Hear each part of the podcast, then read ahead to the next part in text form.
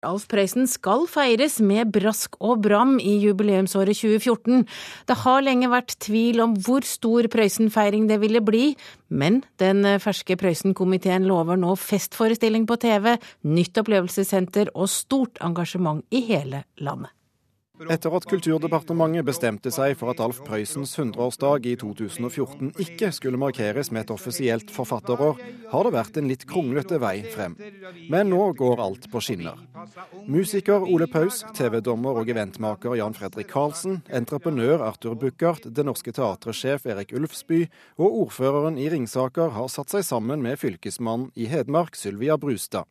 Karlsen har ansvaret for programmet, men komiteen skal ikke gjøre alt selv. Vi skal lage denne Alf Prøysen-kalenderen med alle elementene av hva NRK ønsker å gjøre. Vi skal lage en, ja, en, en festforestilling sammen med NRK i siste halvdelen av 2014. Det vil være bidragsytere til. Men så skal Det Norske Teatret, som var Alf Prøysens teater, skal gjøre mange ulike ting for å, å minne han, hedre han og aktualisere han, som vi skal være en bidragsyter til å få inn i kalenderen, slik at vi kan styrke eh, folks oppfattelse av markeringen for Alf Prøysen. Det er vårt formål og vår viktigste jobb. Jubileumsåret skal bli en ny vår for Prøysens tekster. At Prøysen er såkalt alltid like aktuell, vil Ole Paus ha seg frabedt. Dette handler om en revitalisering. I det øyeblikket man sier det, så, så har man på en måte uaktualisert han. Altså i det man det, det er, Når man sier at et teaterstykke alt er aktuelt, sånn, så, så Kanskje bare meg, da, men jeg, jeg, føler at da er det bare et spørsmål om hvor kjedelig det er. Og rett ved siden av, ved Prestvergen, midt i Prøysens rike, har eiendomsutvikler Arthur Buchardt invitert til et spleiselag. Der skal det bli plass til et splitter nytt opplevelsessenter. Det skal stå klart allerede til 100-årsdagen 23.07.2014, og prislappen er 35 millioner kroner. Det er jo et uh, fysisk symbol da, på denne markeringen med at noe reiser seg, og noe skal eh, åpnes og innvies. Og da kommer det på dagsorden. Men det er jo bare noen få øyeblikk. Dette skal jo være et sted hvor man eh, forteller om Alf Prøysen, formidler Alf Prøysen, og hvor det er en arena, møteplass, hvor man kan oppleve Alf Prøysen. Vi skal fylle hele 2014 med et flott innhold. Sier komitéleder og fylkesmann i Hedmark, Sylvia Brustad. Eh, men vi vil ha engasjement. Eh, vi vil ha aktiviteter i barnehager, skoler, biblioteker, teatersenter, alt som finnes. Så det er bare å komme med forslag og ideer, og vi har med oss også utrolig mange flinke folk. Det så lenge ut til å bli en beskjeden Prøysen-markering. Men tidligere Ap-statsråd Brustad har fikset møter med både kulturministeren og finansministeren, som selv er fra Prøysen-kommunen Ringsaker. Kulturminister Hadia Tajik blar opp én million kroner over neste års statsbudsjett. Om hedmarkingene greier å sjarmere seg til flere statlige kroner, kan hun ikke si noe om nå. Jeg vil gjerne berømme hedmarkingene for det sterke lokale engasjementet og den sterke lokale forankringen som eh, dette arbeidet har.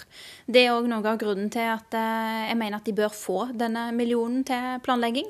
Og så kan jeg ikke foregripe framtidige budsjetter, men, eh, men jeg anerkjenner det engasjementet de har vist. Ja, det var vel nesten iallfall et kvart løfte. Reporter her var Thomas Alvarstein Ove. Etter flere års opptur har besøket på norske kinofilmer falt kraftig. En opptelling Aftenposten har gjort viser at de norske kinofilmene så langt i år bare har solgt drøye 1,5 millioner billetter, noe som er 30% mindre enn på samme tid i fjor. Som Kulturnytt tidligere har fortalt, er besøkstallet og befallet i besøk ventet, annet fordi det er svært få norske barnefilmer på kino i år, og fordi Norsk Filminstitutt har valgt å støtte færre men større filmer som først får premiere neste år. Ungdommer som legger ut frekke bilder av seg selv i sosiale medier, må regne med at de ender opp på pornosider på internett. Det er en ny studie, studie fra The, Internet Watch Foundation som viser at ni av ti av de utfordrende bildene som ligger på Facebook, blir stjålet av såkalte parasittnettsteder. Og parasittnettsteder det er steder som er laget for nettopp å finne og kopiere visse bilder på nettet, og de skal da vise fram bilder av lettkledde unge mennesker. Det er avisen The Guardian som skriver dette i dag. Tyrkia er verstinglandet når det kommer til fengslede journalister. Minst 76 journalister er satt bak gitter hittil i år. Et stort flertall er av kurdisk opphav, og minst én av journalistene soner livstid i fengsel. Også Iran, Kina og Eritrea fengsler reportere i stort omfang. Dette ifølge tall fra den amerikanske organisasjonen CPJ, Committee to Protect Journalists. Ja, Da skal vi snakke om eh, Facebook. For et halvt år etter at eh, selskapet ble lagt på børs, er verdien på aksjene halvert. Det kom fram da Facebook-grunnlegger Mark Zuckerberg la fram selskapets delårsrapport. Facebook har altså over en milliard brukere, allikevel sliter de med å tjene penger. Og Terje Erikstad, dette høres jo litt underlig ut, da. De er jo en kjempesuksess når det gjelder oppslutning, men eh, de tjener ikke nok penger. Hvordan har det seg? Ja, Det er jo riktig at selskapet er en suksess og en fiasko samtidig. Eh, det er en suksess fordi stadig flere mennesker eh, tar i bruk Facebook, særlig på mobil. Og som du sa, de har over en milliard Eller meldte i begynnelsen av oktober at de hadde over en milliard brukere i måneden. Og det fortsetter å vokse, viser tallene som ble lagt frem i går. Eh, men selskapet er en fiasko fordi man ikke har klart å innfri de store forventningene som ble skapt da det gikk på børs i mai. Eh, dette er vekstselskap som prises ut ifra forventninger om stadig større inntekter. Og selv om selskapet klarer å få større inntekter, så er de ikke så store som investorene hadde trodd. da. Så bildet er at det er en suksess og en fiasko samtidig, og da blir det litt komplisert. Og du er leder av finansredaksjonen i Dagens Næringsliv, det glemte jeg å si. Men, eh, men hvorfor? Altså, en del av årsaken er eh, at vi leser Facebook eller ser på Facebook, går inn på Facebook når vi er på telefon og på mm. paden vår. Det er det som, eh, den brukergruppen som vokser raskest. De som går inn i, via mobilen sin eller via lesebrettet. Og utfordringen med de, de, brukerne, eller når brukerne bruker de kanalene, er at det er mye vanskeligere å få plass til reklame. Og 86% av inntektene til Facebook er reklame, så selskapet er helt avhengig av å nå frem til brukerne. Og da er, det, da er, det, rett og slett fysisk vanskelig å få plass til reklamen. Så nå utvikler Facebook stadig nye måter og, og nå fram til brukerne på. For det kan vi se, for vi får opp stadig flere produktprofiler med like eller ikke like, liker eller ikke liker. Absolutt. Og jeg kunne lese i din avis i dag at folk får til og med tilsendt produkter som de gratis, ja. mot at de svarer om de liker eller ikke Nettopp. liker. Nettopp. Og, og det å spre nye produkter via sosiale medier som Facebook er en ny måte å, å, å markedsføre ting på. Og det kommer det til å bli mer av. Altså Brukerne på Facebook må bare være obs på at skal selskapet tjene penger, så må de klare å pushe mer reklame inn i, si, eh, på sidene som man tar opp. Men Zuckerberg er jo en smarting. Han vet at eh, det er grenser for hvor mye vi gidder før det, vi finner noe annet. Det er nettopp det som er den hårfine balansegangen for Facebook. Å ha nok reklame sånn at selskapet tjener mer penger, men ikke så mye at brukerne sier at nei, dette gidder jeg ikke. Jeg er ikke på Facebook for å finne produkter. Jeg er på Facebook for å snakke med vennene mine.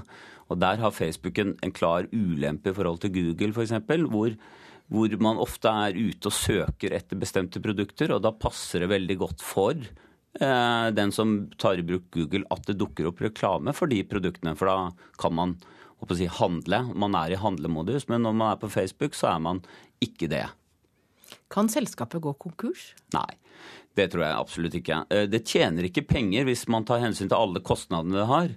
Men eh, det jo, har jo en enormt solid posisjon, og det er klart man kan redusere kostnadene hvis det viser seg at inntektene ikke vokser som eh, ventet. Takk til deg, Terje Erikstad, leder av finansredaksjonen i Dagens Næringsliv. På fredag er den store premieren på den nye James Bond-filmen Skyfall.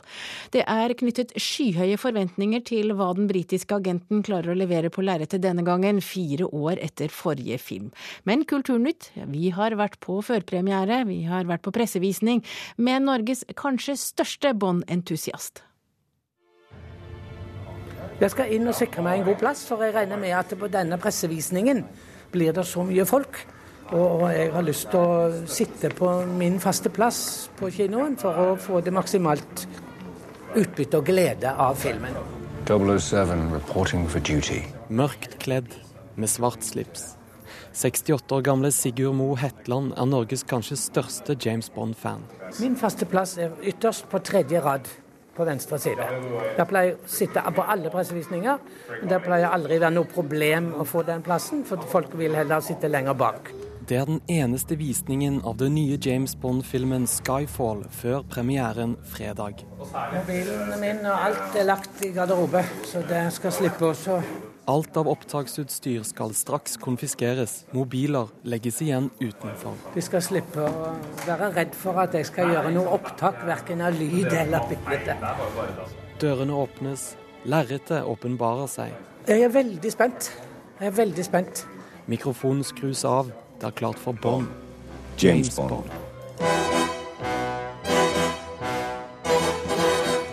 Sigurd Mo Hetland har vært på alle James Bond-premierene utenom én. Da var han nemlig i militæret. Dette var stort. Jeg kan ikke si noe annet enn at dette var stort. Og den nye filmen 'Skyfall', den gjorde inntrykk. Jeg er det litt rørt av hele Hva skal vi si av hele situasjonen. Det gikk så godt. Det gikk så veldig oppi der. Så det var helt topp, altså. Og reporter på kino var Eivind Våge og Magnus Bratten. Ja, fansen ble altså både shaken og støl etter å ha sett den nye filmen med sin store britiske etterretningshelt Morten Steingrimsen. Du er mer profesjonell. Du er både Bond-ekspert og du er skribent i filmmagasinet Rushprint. Hvordan gikk det med deg? Nei, ble, altså, Det var veldig stor opplevelse å se filmen i går. Eh, og jeg var, hadde nesten, altså Det var så mye inntrykk å fordøye rett etter visningen, og jeg visste nesten ikke helt hvor jeg skulle gjøre av meg. Det var en så stor opplevelse. Men uh, etter å ha tenkt på filmen i et døgn, så har jeg vel egentlig funnet ut at det er ja, uten tvil en av de beste Bond-filmene. Hva handler den om? Det handler om MI6, den britiske etterretningstjenesten, som uh, blir angrepet, uten å gå i detalj. Og den handler veldig mye om om dagens Storbritannia, og da handler det vel så mye om James Bonds aktualitet i 2012. Å, den var kryptisk. ja, nei, men det er det som er med denne Bond-filmen, at den har et veldig spennende plott, og det er veldig mye overraskelser. og Så jeg vil prøve å ikke avsløre for mye, da, for er, man får en del ting servert i en Bond-film som man ikke har, for, egentlig forventer i en Bond-film, men det handler mye om hacking. Det handler veldig mye om uh, cyberterrorisme, hvis man kan si det slik. Så det er en veldig, Og plottet er også delvis inspirert av Julian Assange og Wikileaks-lekkasjene. Så det er det føles ut som en veldig samfunnsaktuell film, da. samtidig som den uh, selvfølgelig er, uh, det er en fabelaktig popkornfilm og underholdning fra begynnelse til start. Fra, fra begynnelse til slutt. Ja, Hva vil du si om hovedpersonen? Klarer Craig seg som James Bond? Ja, dette er uh, Craigs tredje Bond-film, og han er mer varm i trøya og han er mye mer komfortabel i rollen. og Denne gangen så har han også, um, byr han på mer humor, og han um, Litt mer sjarm, kanskje? Litt mer sjarm, ja. Enda mer elegant. Og, um, så dette er um, Craig på sitt beste. Og Craig er også en veldig god skuespiller, så han får også vist mer, eller bevist hvorfor han er en såpass god skuespiller som han er. da. Nå er jo ofte James Bond-filmer, og har vært siden 60-tallet, fylt av action og fylt av ting du nesten ikke tror går an. Er denne også en teknologisk eh, framsynt film? Ser vi ting vi ikke tror går an? Ja, på sett og vis, ja. For det er, det er nok en mer virkelighetsnær, en mer realistisk Bond-film, det her. Det er jo regissør Sam Mendes som har laget den. og og han har laget en mer Det er vel kanskje mer en thriller enn en actionfilm. da, Og nå har jeg mer, og den er, som jeg nevnte, så er det mer en mer samtidsaktuell film. da, og, og det er ikke noen usynlige biler eller noe sånt i filmen her. Det er det ikke. Det Men pene er, damer er det? Absolutt. absolutt. Det er, det er, det som er veldig briljant med denne filmen. At den har alle elementene. Alt er med. Men, men så har regissøren også tilført så mye annet. da som du ikke egentlig hadde trodd at kunne være i en Bond-film. Oi, oi, oi. VGs anmelder gir den fem på terningen i dag. Hva sier du? Jeg sier også fem. Takk til deg. Da vet vi altså det Morten Steingrimsen, Bond-ekspert og skribent i filmmagasinet Rushprint, likte det han så da han var på pressevisning av James Bonds og Skyfall. Da skal vi til Rogaland, for Kunstnernes fagforening i Rogaland lager 1000 eksklusive bøker til sitt 80-årsjubileum. Flere kunstnere reagerer nå på at boka bare viser verk fra utvalgte kunstnere, og Kulturnytt møtte tre kunstnere som var i ferd med å fullføre sine bidrag til jubileumsboka. Nei, jeg har tenkt å gjøre noe enkelt, men eh, jeg er ikke så veldig flink til å gjøre det enkelt, så derfor er det en ganske stor eh, utfordring å få det til. Det er striper og teip og sånn. For jeg ser, nå ble ikke denne så verst. da. Du får ikke tid. Normalt så bruker jeg kanskje tre dager på en liten blomst. Kunstnerne Mona Orstad Hansen, Snøfrid Hunspet Eiene og Magni Kjelta står i galleriet Skur 2 i Stavanger og jobber febrilsk. Innen i morgen kveld skal medlemmer i Bildende kunstneres forening Rogaland prøve å få ferdig 1000 eksklusive bokbokser til foreningens 80-årsjubileum. Av de 125 medlemmene har om lag 50 meldt seg til workshop, og Orstad Hansen er en av dem. Jeg tror det kan skje mye spennende. Jeg var jo på, på Grafisk verksted i går, der vi har begynt å trykke på noen av de òg. Så det blir veldig flott, altså. Så det er en unik sjanse til, til faktisk å sikre seg et ganske unikt objekt. Hvorfor har dere valgt å gjøre det på denne måten her? Det er jo et slags stunt, da. Det sier Geir Egil Bergjord, han er redaktør for boka 'Kunstverk'. Det er òg en måte å samle, gjøre noe sammen og gjøre mer oppmerksomhet rundt det. Mange bruker maling og pensel, men ikke Agnes Tiffon. Hun er performancekunstner. Vi skal jo nummerere bøkene. Eh, Istedenfor å gjøre det direkte med stempel på boken, så lager vi disse tallene på kroppen med trykksverte. Så at når vi tar bokomslag og trykker det på selve tallene vi har farvet inn i kroppen, så kommer det opp. Sånn som man nummererer grafikk. Sammen med tre andre kunstnere gjør Tifon en slags kritisk kommentar til deler av bokprosjektet. Jubileumsboka viser nemlig et utvalg på 46 verk, plukket ut av en jury ut ifra innsendte bidrag fra medlemmene. Alle de fire er representert, men likevel reagerer de. For at det skal bli flott, så må det være en utvelgelsesprosess med en jury. Sånn er kunstverden. Men vi er en fagforening, og den utvelgelsesprosess er kanskje uheldig for å holde medlemmene i fagforening samlet. Fordi vi er i en tid nemlig i kommerset overtar enormt. og å dyrke den ene og dyrke verket som et objekt du skal selge, du skal produsere. Så hvor er kunsten blitt av? ikke sant? Så Derfor trenger vi også å styrke vår fellesskap.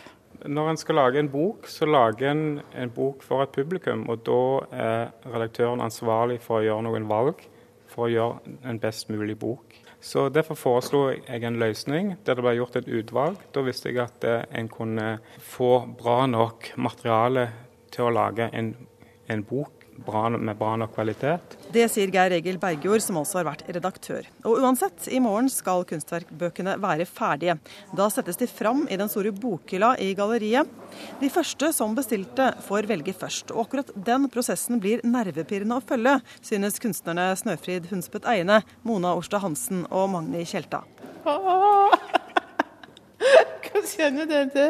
Det er litt surt å stå igjen der, altså. ingen vil ha. Jeg har allerede klart det da jeg har lagd noe utrolig stygt i går, så jeg skal faktisk prøve å redde det.